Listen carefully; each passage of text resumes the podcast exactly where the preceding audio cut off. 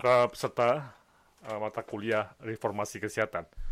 Jadi uh, pada minggu ini setelah Anda membaca buku saya, itu saya harapkan untuk mulai membaca atau melihat pada teori-teori yang disampaikan di awal pengembangan konsep reformasi kesehatan di tahun 2005 2008 ya, sudah lama, 20 tahun yang lalu kira-kira.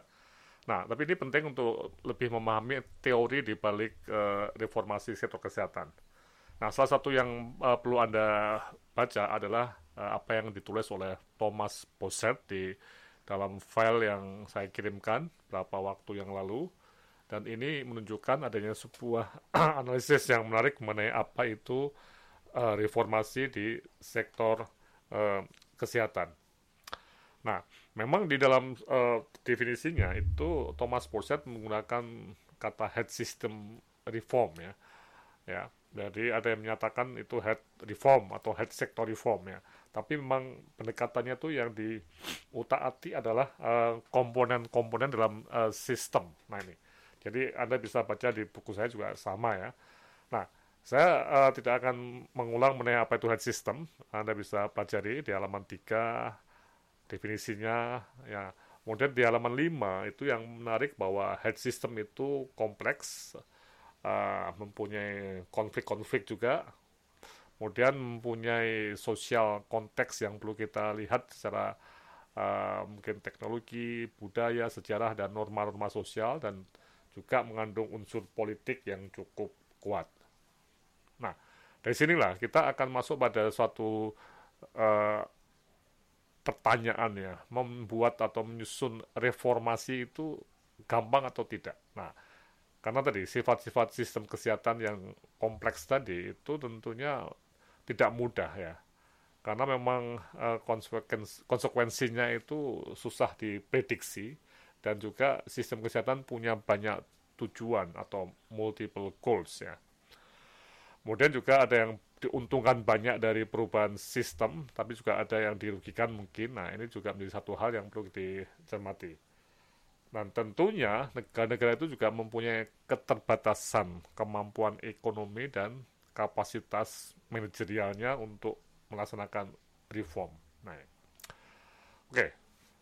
Nah, oleh karena itu perlu ada suatu pemikiran yang sistematik mengenai reformasi sistem kesehatan. Ya Oke, nah ini menjadi satu isu kunci yang membutuhkan apa yang disebut sebagai kerangka kerja dari misalnya WHO yang mempunyai uh, prinsip adanya lembaga yang memberikan pelayanan, ada yang memberi dana, ada yang menjadi semacam steward, dan ada yang uh, istilahnya mengembangkan sumber daya termasuk SDM kesehatan.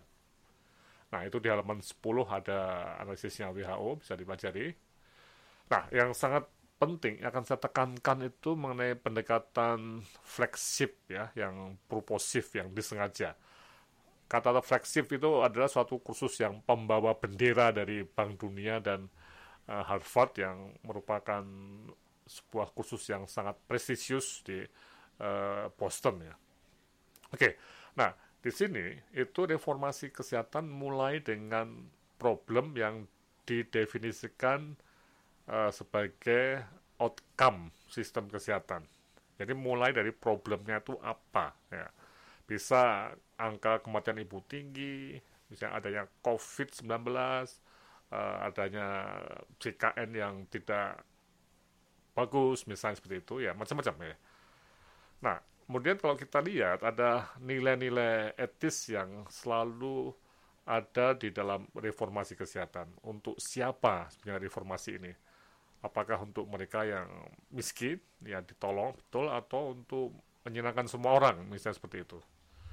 Kemudian juga ada analisis politik yang ada di semua proses reformasi kesehatan. Kemudian dalam proses ini juga mengembangkan semacam analisis yang evidence based mengenai penyebab. Misalnya menggunakan model pohon keputusan eh, sorry pohon diagnostik diagnostik tree ya Ya, jadi sebuah uh, model yang nanti akan kita latihkan uh, minggu depan. Ya.